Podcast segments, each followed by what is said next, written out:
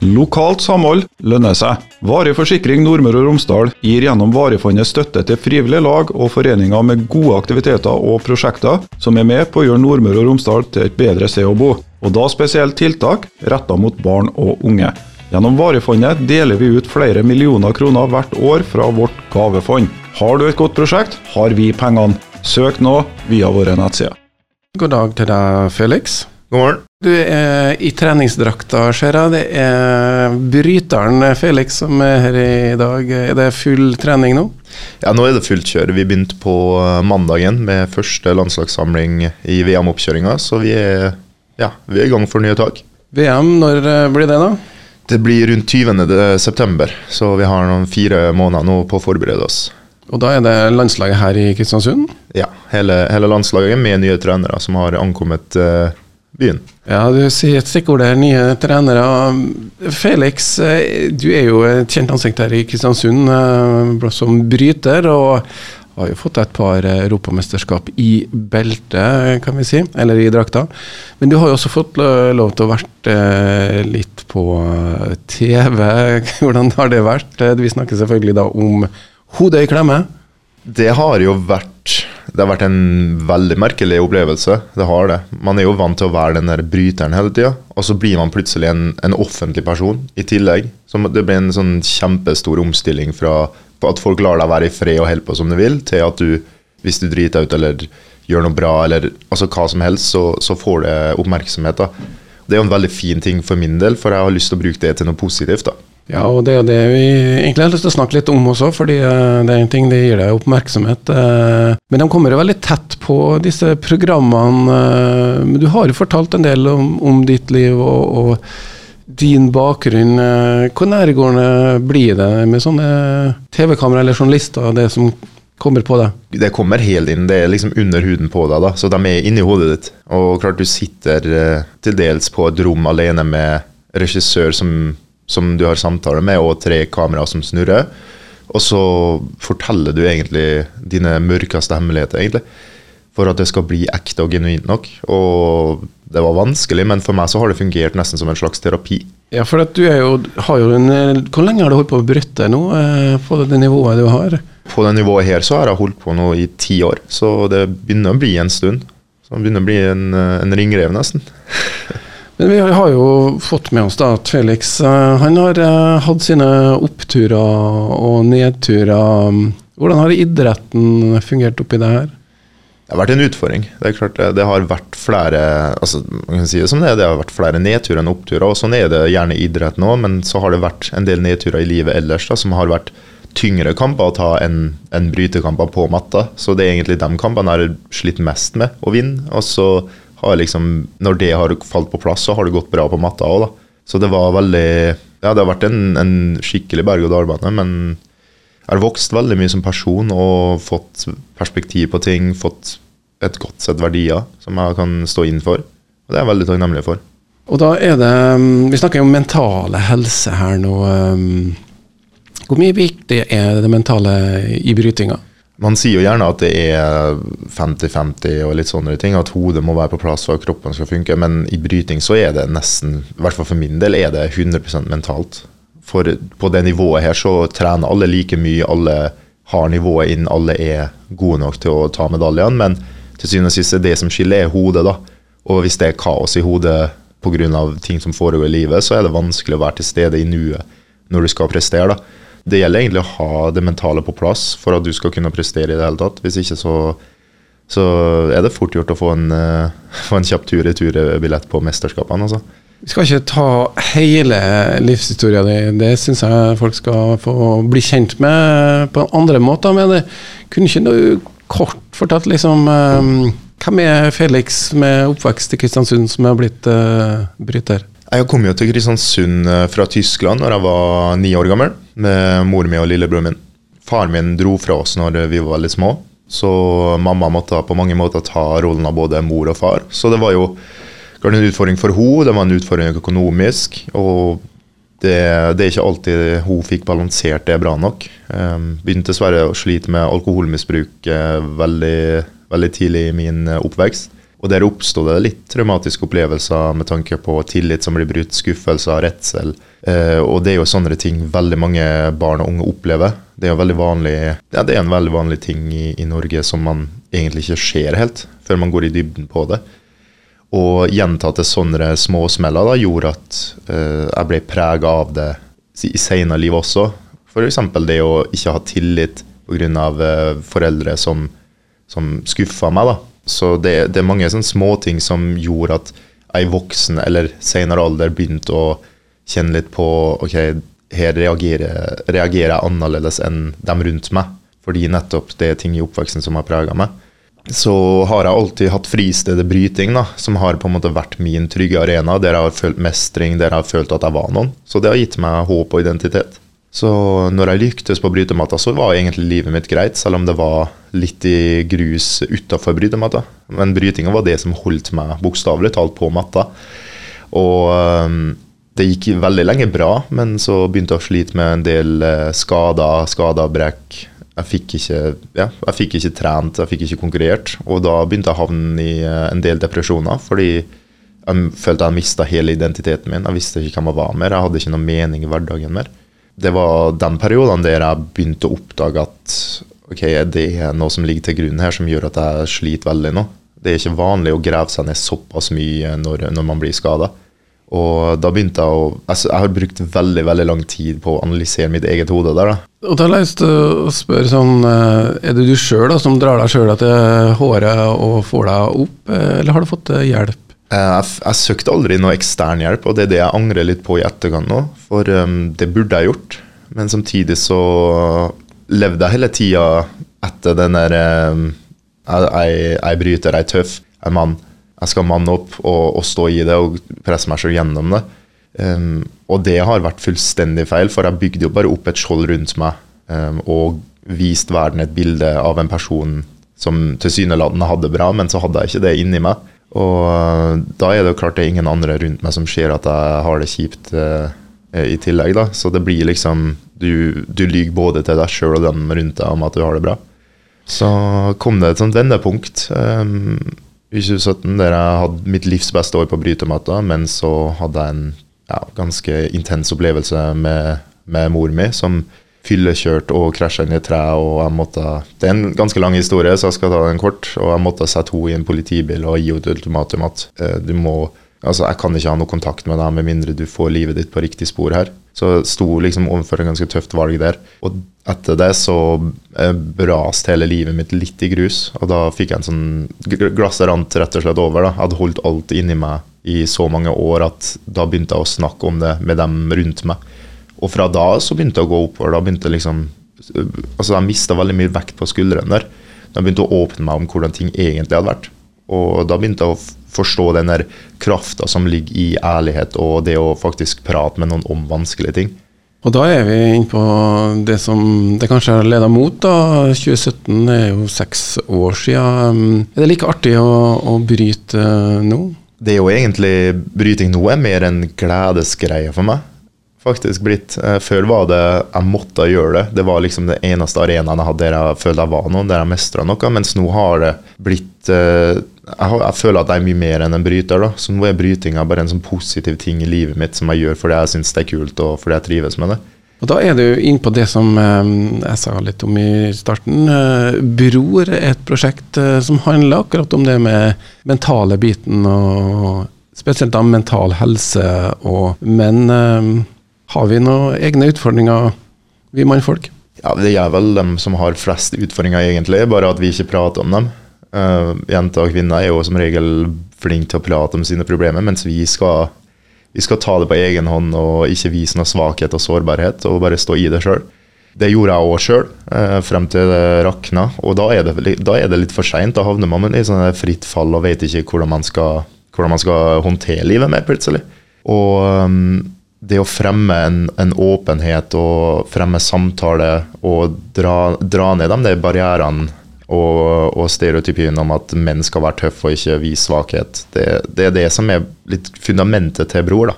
Hva er Bror-konseptet? De har hatt en eh, lanseringsfest nå tidligere i mai. Fortell litt mer konkret om prosjektet. det vi gjør, er at vi samler inn historiene til både kjente menn og menn i gata, og synliggjør at det er vanlig å ha utfordringer, det er vanlig å ha det tøft. Og det, det adresserer ting alt fra rus til depresjon, angst, psykiske lidelser, selvmordstanker, spilleavhengighet. Altså det, det, det hele spekteret med de utfordringene du får eh, på deg i løpet av et liv. Og, og fremme en åpenhet gjennom historiefortelling. Så skal vi bygge ut konseptet videre til foredrag og digitale kurs og sånne ting etter hvert. Um, så vi må jo bare være flinke til å ta et sted om gangen, da. Og ikke ta oss vann over hodet. Kan ikke fortelle litt om hvordan det starta? Du har med deg en eh, kompanjong på det her? Mm, det stemmer. Eh, kompisen min, Even Karpus, som, eh, som egentlig har med meg. det var hans idé. Og det starta vel egentlig med at vi var på en kompistur. Vi hadde vært i samme kompisgjeng lenge, men aldri prata noe mer enn det overfladiske. Halla, hvordan går det praten? Så hadde vi en sånn kveld der vi satt rundt bålet, alle gutta, og så, så skulle hodet i klemme komme på TV, og jeg hadde ikke fortalt om livet mitt til noen av gutta, for jeg holdt det skjult. Og så tenkte jeg sånn, ok, jeg kan, de kan ikke bli tatt på senga her nå, så jeg må fortelle historien til dem. Fortalte jeg min historie, og så skjedde noe magisk. da. Alle begynte å dele dype ting om seg sjøl. Og på den måten så fikk vi på en måte et bånd som ble så mye sterkere enn det vi noen gang har hatt. Det fikk ballen litt til å rulle, da, fordi vi skjønte at ok, den der åpenheten, den samtalen her, det beveger noe i folk det bygger en tillit der og en trygghet. Og det var det som var litt starten på ideen Bror. da. Den åpenheten i samtalen, den ærligheten. Det å ta bort fasaden og det overfladiske og fortelle hvordan ting egentlig er. For å, for å styrke både relasjoner og tillit, og for å ta vare på sin egen mentale helse ved å få det ut. da. Og det her er jo litt uh, interessant måte å gripe det an på, for uh, får du mentale problemer, så er det kanskje først uh, det skjer noe ytre omstendigheter som gjør at man kommer kanskje inn i et sånt hjelpeapparat med psykologer og psykiatri og behandling og den biten. Men dere tenker jo da på en måte bruke samtalen som en måte å få det fram på, hvis jeg har forstått det riktig? Det stemmer, fordi um, det er veldig stort tiltak for mange å ta den telefonen og prøve å få tak i en psykolog. Og så, og så, høres det veldig skummelt ut, og da er det sånn hvis jeg går til psykolog, så er det noe galt med meg. Men det er jo på samme måte som en, som en trener kan man se på det. Hvis du skal bli god fysisk form, så må du ha en trener som hjelper deg. Hvis du vil få hodet ditt på plass, så må du ha en veileder som hjelper deg. Så det er litt samme approach der. Um, men samtidig så er det òg et problem i Norge at ventetida på å faktisk få hjelp hos en psykolog, den er så lang for folk flest at det er, altså, man føler man ikke blir fanga opp av systemet. Da. Og da blir man bare skuffa, og, og, så gir man det bare helt opp. Så hvis man kan begynne med den samtalen med folk, folk som er nære, folk du er glad i og folk du stoler på, så vil det allerede hjelpe deg å lette på den byrden du har. Det er jo eh, en eh, vei ut av ting å prate om det, som du, som du sier her nå. Eh, bror, innhold, prat med hverandre. Hva blir det? Du nevnte litt, du kan godt gjenta hva dere tenker å gjøre nå. Neste steg blir jo å prøve å altså, Først har de jo lansert nettsida, det må jeg si. Bror, det, det må sies. Bror, bror.com. Bror, Tre ganger bror. Ja, og det var fordi det var tatt, de andre. han. Alle andre var tatt. Bror, bror var borte, og så ble det noe sånn, da.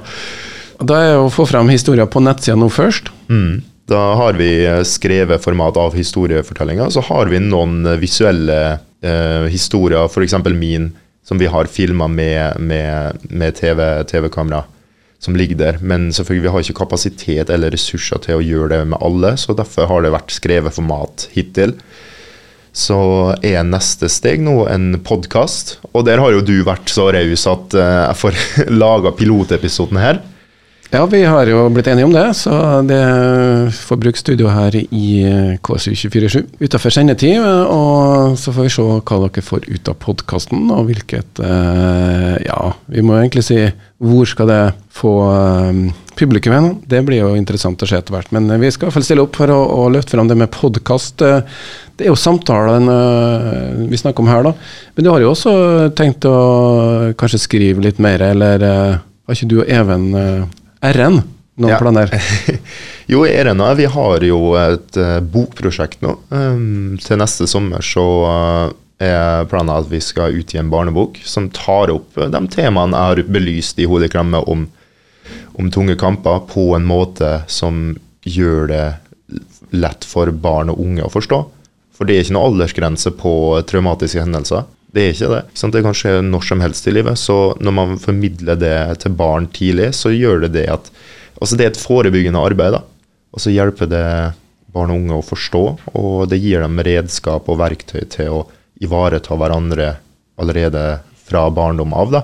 At man vet hvordan altså, Ok, bestekompisen min sliter, han har det ikke bra. Hva skal jeg gjøre med det? Når du, når du får et sett med verktøy der, så, så kan du være en mye bedre venn og kompis og støttespiller. Du kan være en mye bedre bror.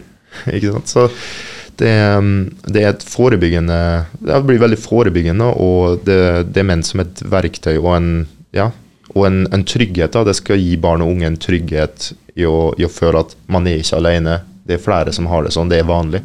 Det er nesten uh, skummelt å si, men jeg tror det er mer unormalt at du ikke gjennom livet har eh, en eller annen psykisk eh, Ja, det kan være en depresjon, det kan være hva som helst, men det er visst uh, like vanlig uh, som det tidligere var uvanlig at man uh, sliter med psyken litt. Regne.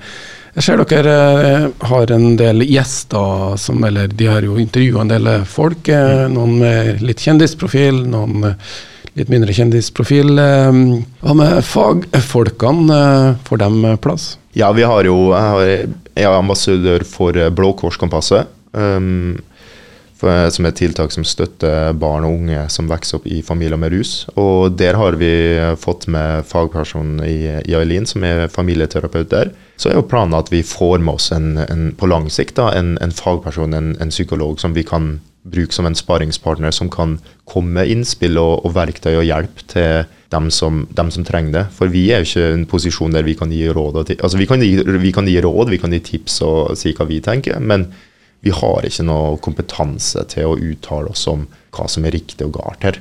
Så da, da må vi ha litt faglig dybde for å ivareta dem som faktisk trenger en, eh, en virkelig veileder. da. Det er altså Bror eh, og brorbrorbror.com som du kan eh, sjekke ut. Men eh, Felix, tilbake til brytinga.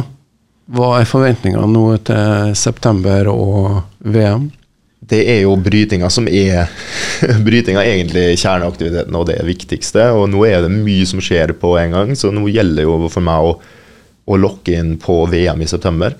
Som er første mulighet til å kvalifisere seg til OL i, neste års OL i Paris.